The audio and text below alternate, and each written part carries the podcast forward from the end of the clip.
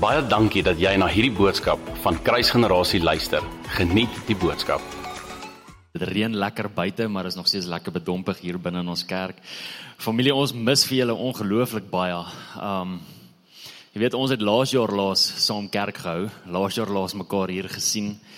Dit is nou al die 24ste Januarie en is dit mekaar nog steeds nie weer gesien nie. Ons weet dat dit tyd word en ons is hoopvol dat dit ook weer binnekort so gaan wees dat ons mekaar gaan sien.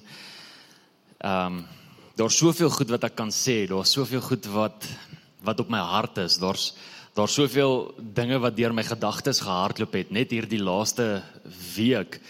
Maar ek moet vir julle sê dat die Here wag vir my mond gesit het rondom 'n hele paar goedjies en en uh, vanoggend ek het dit ook op Facebook gesit. Het Heilige Gees so duidelik vir my gesê dat ek moet nie uit my frustrasie uitpraat nie, ek moet uit my conviction, uit my oortuiging uitpraat. Daar's 'n groot verskil tussen tussen die twee. En daar's ook 'n fyn lyn tussen die twee want baie keer is 'n uh, is 'n conviction en 'n en 'n frustrasie baie keer dieselfde ding. So dis so belangrik om om jou oor op sy bors te kan hou om te weet wat hy sê en om te weet wat hy doen en om dit te kan sê. Dis maklik om enigiets kwyt te kan raak op hierdie oomblik. Maar weet julle waarvan is ek bewus? Laas jaar toe hierdie hele ding die wêreld slaan was al die kerke oortuig en al die profete het dit geprofeteer en hulle het gesê dat hierdie 'n divine reset is vir die kerk en dat hierdie geleentheid is vir die kerk om weer te reset na dit wat belangrik is. Na dit wat op Vader se hart is, na dit wat op Jesus se hart is. En in baie groot mate is dit wat gebeur het. Die kerk het homself gereset en weer begin agterkom maar gebed is ongelooflik belangrik en as ons nie bid nie, is daar nie hoop nie. Ons moet ons moet bid. Uh dink ek nou aan pastoor Harold. Ons moet bid. En uh ons moet ons moet na mekaar kyk. Ons moet mekaar versorg. Dit is so belangrik om mekaar se laste te kan dra. Daar so was soveel soveel goed wat so gereset was. Die belangrikheid van om God eers te lief te hê voordat 'n mens enigiets anders doen. Die belangrikheid om hom te aanbid. Maar ek dra besorgdheid in my hart op hierdie oomblik want ek ek sien hoe kerke weer besig is om 'n kompromie aan te gaan op hulle reset. Um ek is ek is so bewus van die feit dat daar soveel soveel gemeentes is en en en hoor my mooi, dit was in my hart ook in in in my hart is daar daar's goed wat 'n mens wil doen, daar's planne wat 'n mens wil maak, daar's daar's sekere skuwe wat 'n mens in plek wil sit sodat die dinge kan loop en sodat ons kan kan besig wees en en ek is so bewus van die feit dat baie keer wil 'n mens sekere goed in plek kry Ehm um, jy's as gevolg van die finansies dalk want daar's salarisse wat betaal moet word, daar's rekeninge wat betaal moet word. Die kerk het ook uitgawes. En ek is so bewus van die feit dat soveel gemeentes op hierdie oomblik kompromie aangaan op hulle reset omdat hulle die kerk as 'n besigheid sien en omdat hulle bang is vir salarisse en omdat hulle bang is vir sekere goed wat betaal moet word. En ek ervaar net hoe die Heilige Gees ons terugroep en net vir ons as 'n kruisgenerasie sê waarvoor het hy ons geroep en hierdie is wat ek vir jou wil sê voordat ek begin preek. Hierdie is nie deel van my preek nie. Hierdie is wat ek vir jou wil sê, kruisgenerasie. Ons is geroep heel eerstens om Matteus 22 vers 37 reg te kry. En as jy nie weet waar ons staan nie, gaan maak jou Bybel daar oop, gaan onderstreep dit, gaan highlight dit, gaan sit NB by dit, gaan skryf dit op jou voorkop. Maak seker dat jy dit nooit vergeet nie want dis die belangrikste belangrikste skrifgedeelte in die Bybel. Jy moet die Here jou God lief hê. Dit is waarvoor God ons geroep het. Ons roeping as kruisgenerasie is om God lief te hê. Ons roeping as kruisgenerasie is om hom tot hom te bedien soos Mary of Bethany om vir hom iets te gee by en om by sy voete te sit. Ons roeping as kruisgenerasie is om wagters op die mure te wees vir ons dorp en saam te stem met dit wat Jesus spreek oor Middelburg. Dit is ons roeping. Dis waarvoor God ons geroep het en ek weet net ek is veronderstel om vandag die familie te herinner daaraan. Familie, ons eerste roeping is om God lief te hê. Ons eerste roeping is om ons liefde vir hom te wys deur ons aanbidding, deur ons leefstyl, deur ons tyd in gebed, deur deur om te ek hou van wat die engel sê, to minister to him. Om hom regtig te kan bedien. Dis wie ons is, dis waarvan ons geroep is. En ons as 'n kruisgenerasie familie kan nie dit vergeet nie, want anders gaan ons op 'n plek wees waar ons ook 'n kompromie aangaan. Maar nietemin, ek hoop dit gaan goed met julle en ek uh hoop julle het 'n lekker koppie koffie en ek lyk my dit reën die hele um Mpumalanga vol, so dis lekker om die reën te kry. Is lekker om ook bietjie af te koel. Um ek hoop jy het koffie by jou en ek hoop jy het 'n notaboek by jou. Ek wil graag hê dat ons gaan stil staan vandag by Matteus 11. So as jy Bybel by jou het, blaai so lank soontoe Matteus 11 vers 25 tot 30 is eintlik 'n ongelooflike bekende skrifgedeelte en in die oomblik wanneer ons kom by vers 28 en jy presies weet waarvan ek waarvan ek praat, maar ek uh, ervaar iets wat die Gees vir my sê en ek wil dit so klein bietjie oopbreek en um vir jou wys wat die konteks is van hierdie hele hierdie hele gedeelte. So as jy jou Bybel het, asseblief lees saam met my Matteus 11 vers 25 tot 30. In daardie tyd het Jesus gespreek en gesê: Ek loof U, Vader, Here van die hemel en die aarde, dat U hierdie dinge verberg het vir wyse en verstandige mense en dit aan kindertjies geopenbaar het. Vers 26: Ja, Vader, want so was dit U welbehae. Alles is aan my oorgegee deur my Vader en niemand ken die Seun nie behalwe die Vader ook ken niemand die Vader nie behalwe die Seun en elkeen aan wie die Seun dit wil openbaar. En hier's die bekende gedeelte wat jy nou al moes gehoor het in jou Christenwandel. En dis vers 28 kom na my toe almal wat vermoeid en belas is en ek sal julle rus gee. Neem my juk op julle en leer van my want ek is sagmoedig en nederig van hart. En julle sal rus vind vir julle siele want my juk is sag en my las is lig. Nou ek weet nie van julle in die familie maar ek is 'n ongelooflike praktiese mens. So vir my gaan dit altyd oor konteks. Dit gaan oor dit wat ek vooraf gelees het en en dit was vir my so interessant om om te kyk waaroor Jesus praat en een ewe skielik uit die bloute uit spring hy na vers 28 en toe en hy sê neem my juk op jou. Kom na my toe. Almal wat moeg is, almal wat belas is, almal wat nie meer kan nie, kom na my toe. Is is interessant as jy na die konteks kyk, is dit nie? En ek wil hê jy moet jouself 'n guns doen en en Matteus 11 gaan lees van die begin af en die hele konteks van Matteus Matteus 11 vat. En dan vers 28, 29 en 30 in ag neem rondom wat die konteks is. Kom ek verduidelik so so klein bietjie. Eerstens As jy in die begin van Matteus 11 lees, dan sal jy sien dat Johannes die Doper wat in die tronk is, sy disippels na Jesus toe stuur en hierdie is die vraag wat wat hy vir sy disippels sê. Hy sê gaan na Jesus toe en vra vir hom, is hy die een wat sou kom of is daar 'n ander een? En Jesus antwoord hulle interessant. Hulle hulle sê hy sê vir sy disippels, hy sê gaan en sê vir Johannes wat sien julle en wat hoor julle? Met ander woorde Johannes is in die tronk, hy hoor wat Jesus besig is om te doen.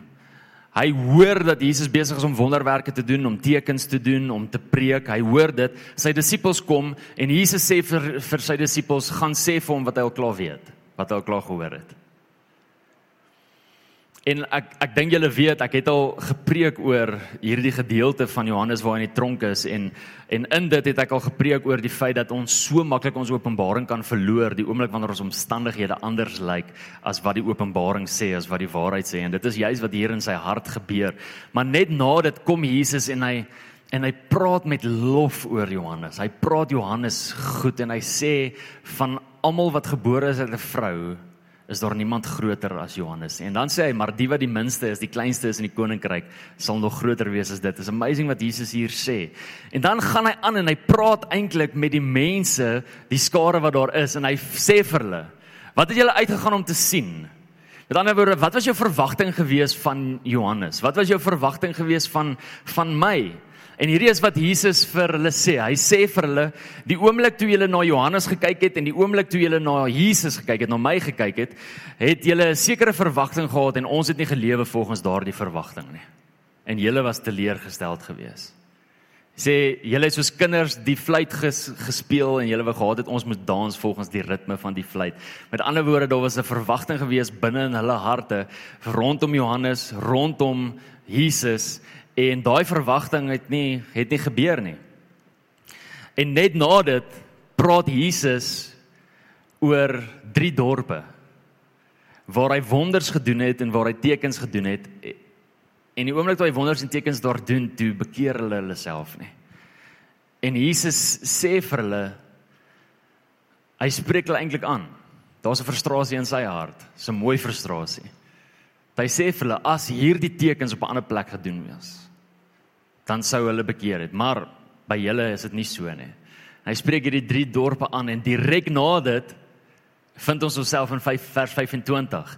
En in vers 25 staan daar in daardie tyd het Jesus gespreek en hy het gesê ek loof die Vader van die hemel en die aarde dat u hierdie dinge verberg het vir die wyse en die verstandige mense en aan die kindertjies geopenbaar het. So wat is die konteks hier? Wat gaan hier aan? Jy sien die hele konteks van Matteus 11 gaan oor die openbaring van Jesus en wie Jesus werklik is. Johannes het 'n openbaring gehad. Hy was die eerste een wat gesê het daar is die lam van God wat die sondes van die wêreld wegvat. En toe kom hy in die tronk en toe twyfel hy daaroor. Toe's die ander mense daar en hulle het 'n sekere verwagting gehad van wie wie Jesus gaan wees, hoe Jesus gaan lyk, hoe Jesus gaan praat, hoe Jesus gaan klink.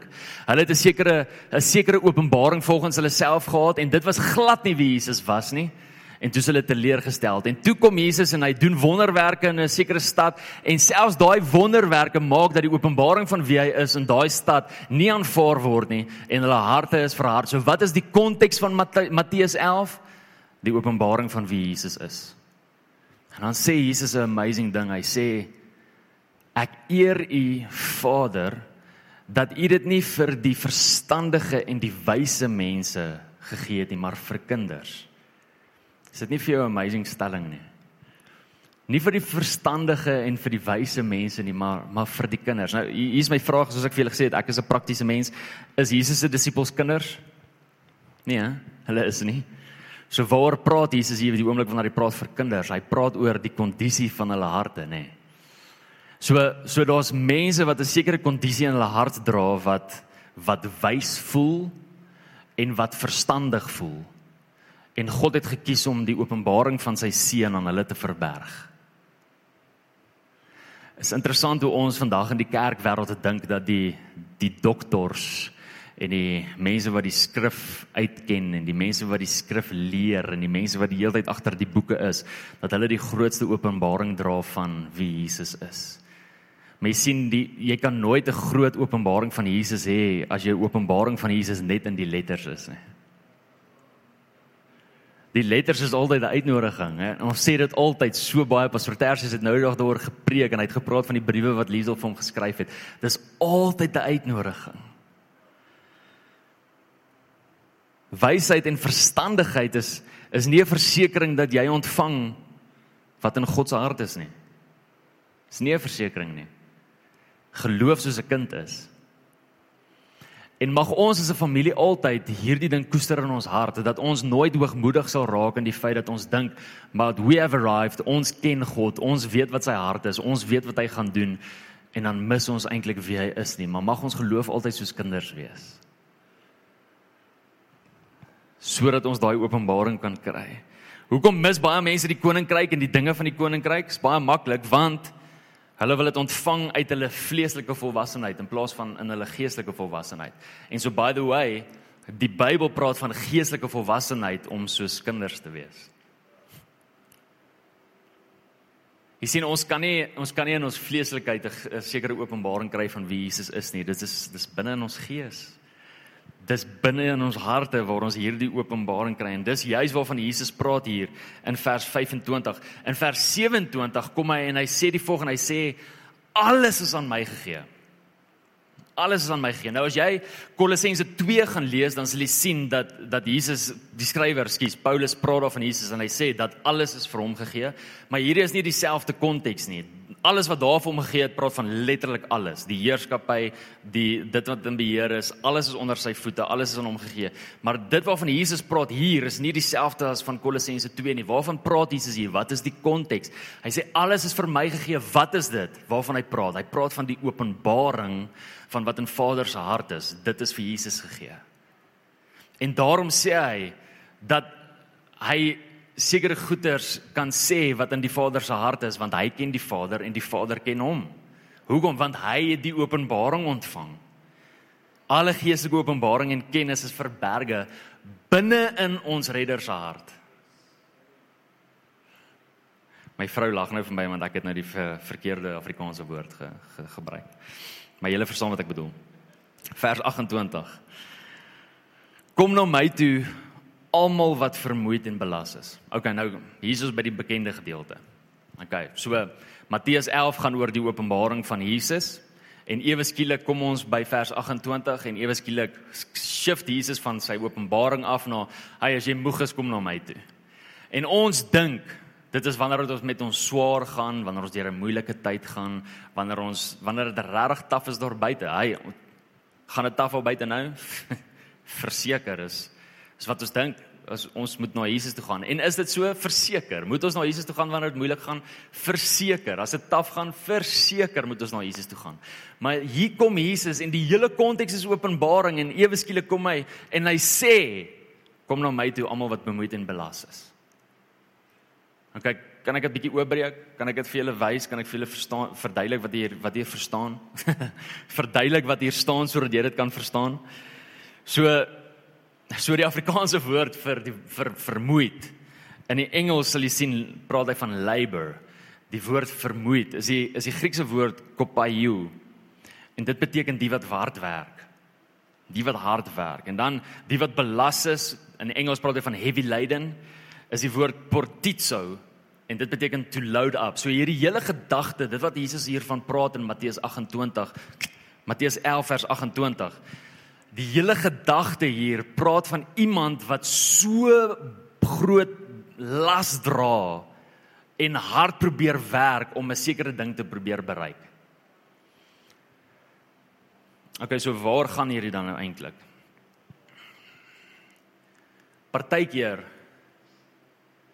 probeer ons so hard hardloop met die openbaring van dit wat ons het van Jesus Christus. Probeer dit net in in regte woorde kry vir julle. Partykeer is ons so gefokus op daai openbaring, partykeer is ons so gefokus op op op dit dat ons voel ons 'n sekere ding moet bereik en ons 'n sekere ding moet doen sodat ons die vervulling van daai openbaring kan hê. En dis waarvan Jesus hier praat. Hy praat van ouens wat hard werk om iets te wil bereik. En die hele konteks hier gaan oor oor wie hy is, oor openbaring. Jy sien partykeer partykeer kom kom Jesus en hy en hy gee 'n woord, hy gee 'n belofte. Hy het ons aandeel in die belofte verseker. Ons het al daar gepreek, julle verstaan wat se aandeel ons het die oomblik wanneer God gespreek het. Maar partykeer neem ons die hele verantwoordelikheid van dit wat God gespreek het, die hele verantwoordelikheid van wie hy is, die hele verantwoordelikheid van wat sy verwagtinge is op ons. En ons dink ons moet dit doen. En hier kom Jesus en Jesus sê as jy nou moeg is daarvoor, kom na my toe en neem my juk op jou. Dis wat Jesus hier sê. Die woord rus daar to give you rest is die woord anapau en dit beteken to refresh om jou letterlik te verfris. Vers 29 sê Jesus: Neem my juk op julle en leer van my. Familie sien om om Jesus se juk op te neem beteken dat jy eers iets moet aflê. Jy weet om om Jesus se juk te dra beteken dat jy dit wat jy dra eers moet afhaal. En dis juis wat hy hier sê. Hy sê kom na my toe die wat vermoeid en belas is, jy wat so hard werk om hierdie ding in vervulling te laat kom, jy wat so hard werk om sy woord in stand te laat bring, jy wat so hard werk om suksesvol te probeer wees, om iets te maak vir jouself, om 'n naam te maak vir jouself, om die deurbraak te probeer kry in jou in jou familie, om die deurbraak te probeer kry in jou besigheid, om die deurbraak te probeer kry in watter area ook al, jy wat so hard werk in dit, kom net vir 'n oomblik na my toe, haal daai juk van jou skouers af en plaas my juk op jou skouer. Ek ek ek ervaar maar dat ek hierdie dit moet moet verduidelik want baie mense weet dalk nie wat die juk hier is nie want ehm um, dis maklik om te sê dat jy's veronderstel om te juk waarvoor Jesus juk.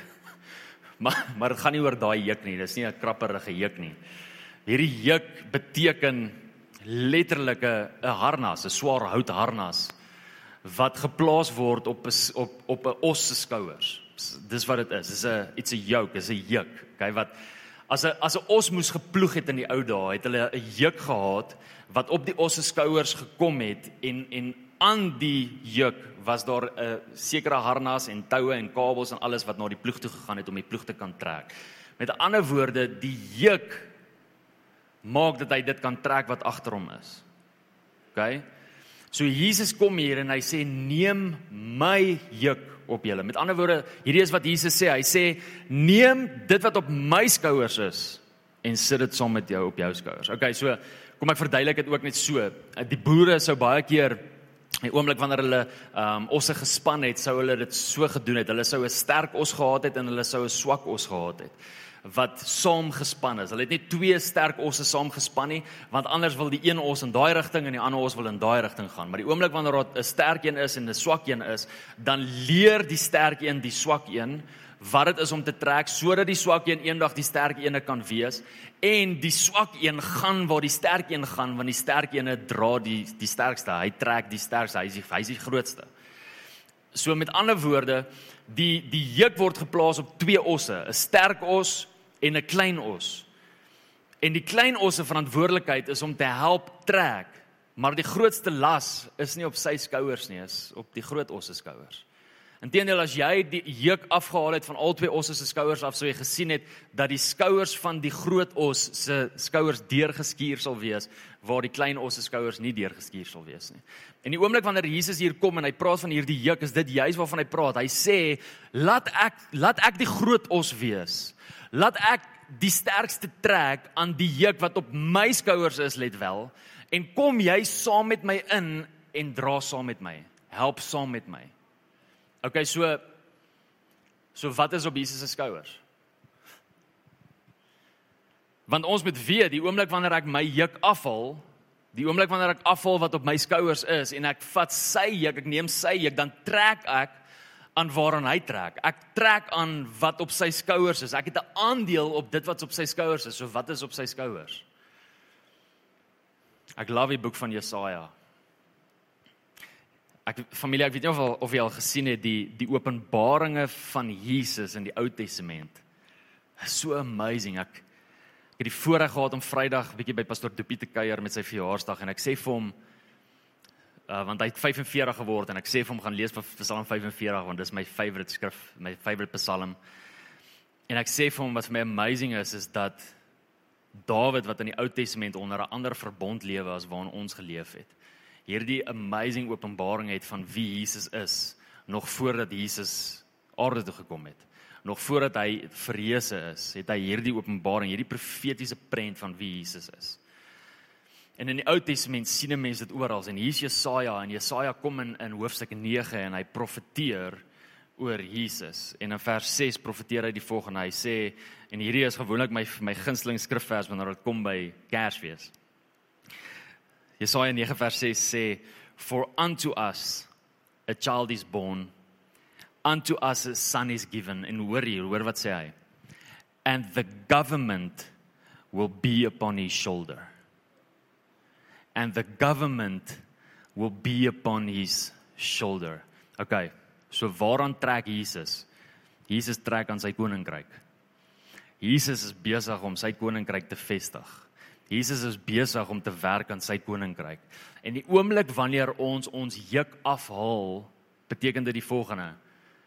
Ek hou nou vir 'n oomblik op om te worry oor my koninkryk, om te trek aan my koninkryk, om te bou aan my koninkryk sodat ek kan fokus op die koning van die konings, so koninkryk. So hierdie is wat die koning vandag vir jou vra. Hierdie is wat hy vir jou vra. Vergeet bietjie van jou koninkryk en kom trek saam met my aan my koninkryk. Die oomblik wanneer Jesus kom in Matteus 11 vers 28 en hy sê neem my juk op jou, vers 29, neem my juk op jou. Is hierdie wat hy sê? Vergeet nou so bietjie van jou koninkryk. trek aan my koninkryk.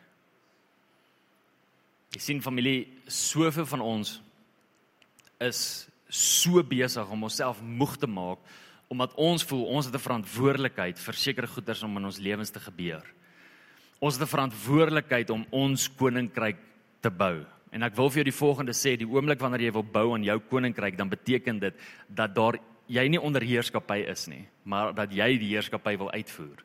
Met ander woorde dat jy nie onder die heerskappy van Christus is en toelaat dat hy jou lewe vestig en dat hy by jou byvoeg. Onthou wat staan in Matteus 6 vers 33. Gaan lees dit. Onthou wat staan daar. Soek eers sy koninkryk en geregtigheid en al hierdie dinge sal by jou bygevoeg word. Maar vir een of ander rede wil ons die hele tyd so gefokus wees op ons eie goeders en ons eie omstandighede en ons eie dinge en om dit self te trek en self te maak gebeur en self te laat suksesvol wees dat ons vergeet dat as ons net op 'n oomblik, net vir 'n oomblik, net hierdie goeders van ons skouers afhaal wat so swaar druk, wat so moeg maak, wat die hele tyd 'n verwagting skep wat nie vervul gaan word nie. Die oomblik wanneer ons dit afhaal en ons net saam met hom inkom en saam met hom trek dat hy in elk geval alles by ons gaan byvoeg. Dis 'n belofte wat hy gegee het in Matteus 6 vers 33. Vergeet op oom vir 'n oomblik vir dit van dit. Hierdie skrif het het twee implikasies.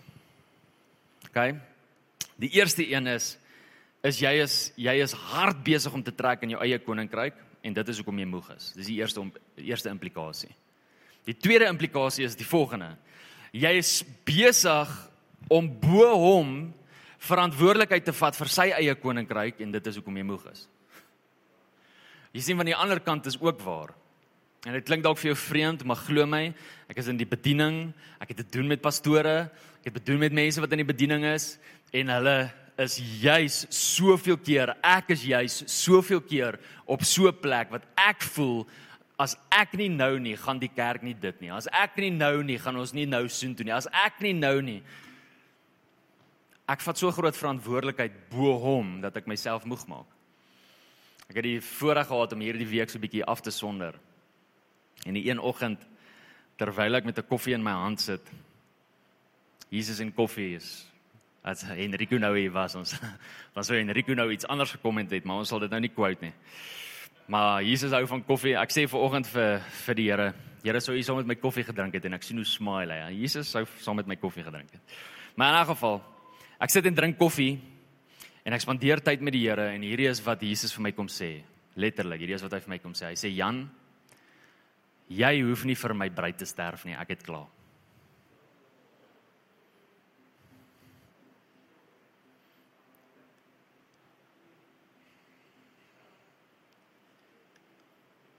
Jy sien ons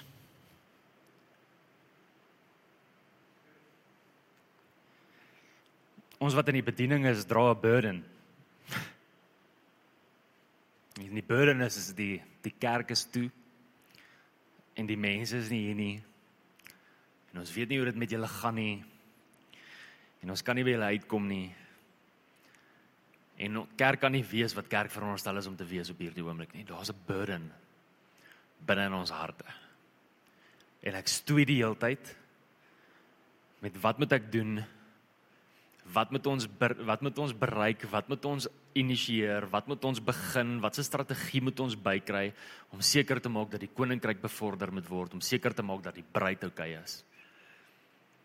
En ek is so nodig gehad om hierdie woorde te hoor by my koning hierdie week. Om te hoor hy het vir sy bruid gesterf, ek hoef nie.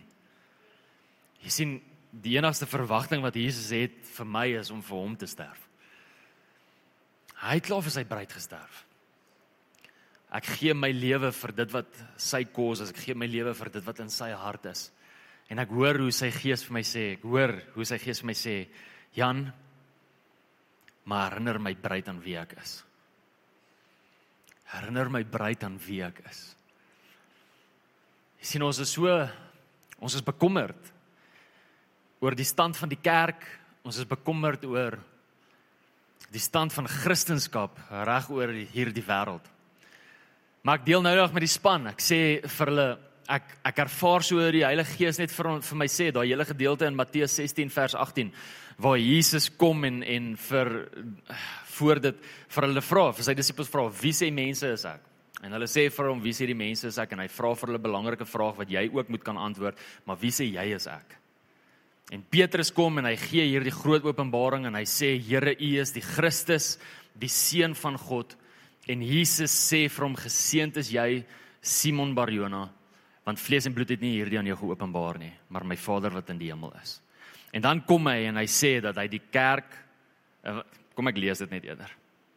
Vers 18 sê en ek sê ook vir jou jy is Petrus en op hierdie rots sal ek my gemeente bou en die poorte van die doderyk sal dit nie oorweldig nie. Ek wil net hierdie baie duidelik sê, die kerk is nie gebou op Petrus nie. Die kerk is gebou op die openbaring van Jesus Christus. Dis waarop die kerk gebou is. Maar hoor wat sê Jesus? Jesus sê die poorte van die doderyk sal dit nie oorweldig nie. Waarvan praat hy? Die kerk. Jesus het hierdie gesê. Nou familie luister, ek weet ons is ons is bewus van soveel profete wat dit gemis het oor hierdie hierdie tyd. Ons is bewus en ons is bewus ook van sekere profete wat in accountability loop omdat hulle dit gemis het. En ander wat net hoogmoedig is en sê maar anyway. Kom ek gaan aan anders spreek ek met my frustrasie uit. Ek mag nie. Maar hierdie kom nie uit 'n profeet se mond uit nie. Hierdie kom uit die koning se mond uit. Jesus het hierdie gesê. Hierdie is wat hy gesê het.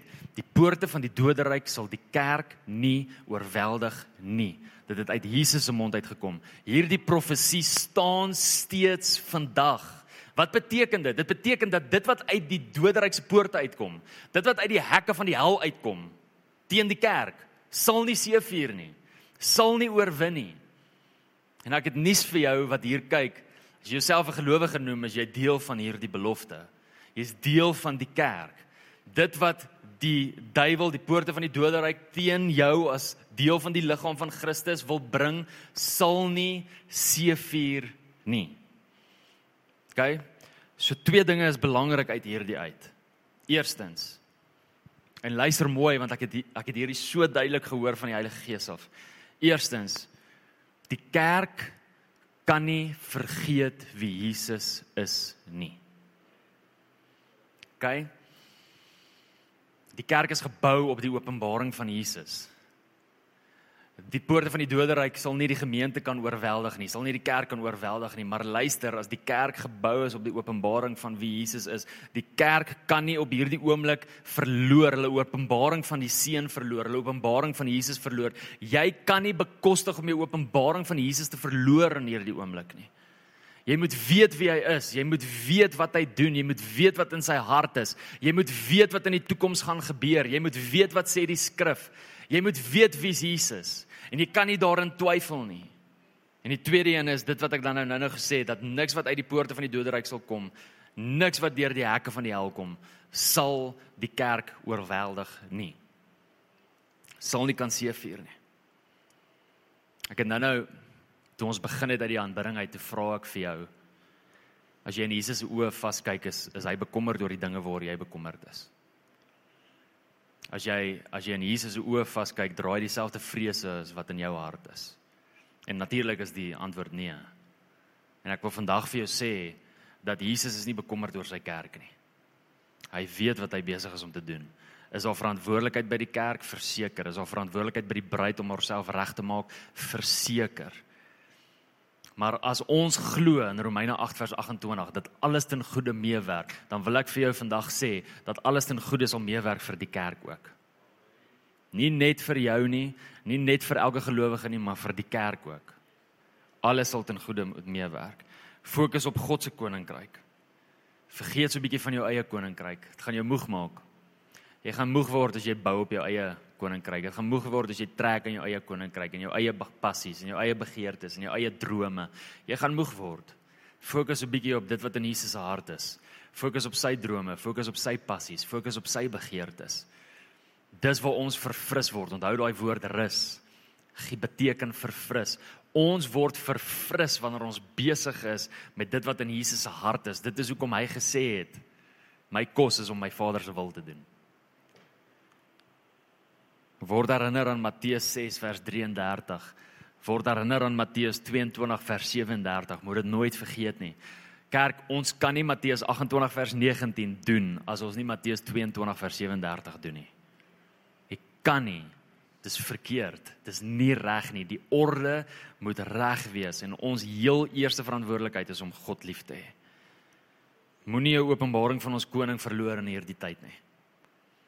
Dis onmoontlik om met vrees te loop as jy elke oggend in sy oë kyk. Dis onmoontlik. Dis onmoontlik om vrees in jou hart te koester as jy elke oggend in ons koning se oë vaskyk. Dis onmoontlik. So maak seker dat jy in sy oë vaskyk. Maak seker dat jy jouself herinner aan wie hy is. Maak seker dat jy tyd spandeer hier binne in die woord en na die openbaring gaan van wie hy is. As jy nie weet, gaan begin net by Openbaring 1 of gaan lees Openbaring 19. Gaan begin net iewers en herinner jouself aan wie Jesus is. Want daar is geen moontlikheid dat jy sien wie hy is en dan nog steeds met vrees sit nie. Dat jy sien met, met wie hy is en dan nog steeds angstig is oor sekere goeders wat gebeur nie. Herinner jouself aan wie hy is. Moenie in hierdie tyd moed verloor nie. Familie, hierdie is die jaar van beloftes. En ons weet en ons ervaar dit so reëls as wat hierdie tafel is. Hierdie is wat God gesê het dat hy van sy beloftes in vervulling gaan bring en dat daar selfs nuwe beloftes gaan kom.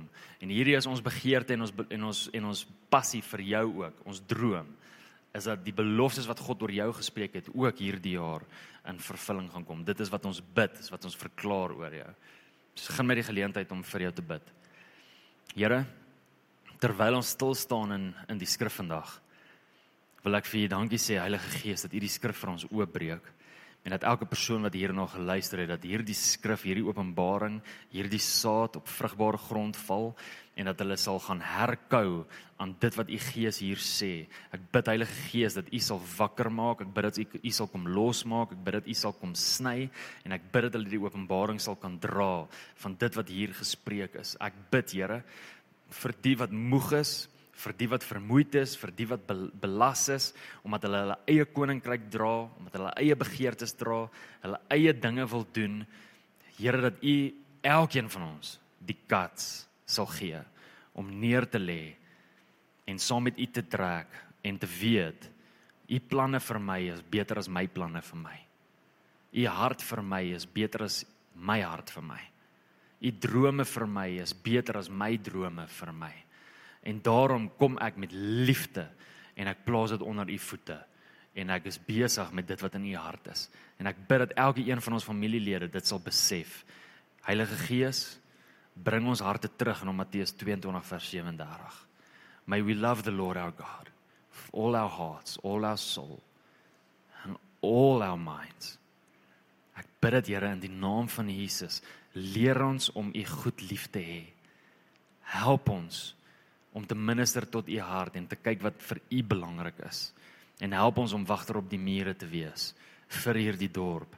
Ons is excited oor dit wat u spreek oor ons dorp, Here. Ons is excited vir dit wat gebeur in Middelburg en ons verklaar dat elke ding wat in u hart is oor ons dorp in vervulling sal kom. Ons roep dit in vervulling. Ons verklaar dat dit so sal wees. En ons verklaar ook that the gates of hell will not prevail against the church dat die kerk in Middelburg sterk sal staan in die naam van Jesus en dat elke predikant moed sal skep en hulle self ook sal herinner in wie is. Dis my gebed Vader in die naam van Jesus. Amen. Jy dat jy na hierdie podcast geluister het. Indien jy die boodskap geniet het deel hom asseblief met jou vriende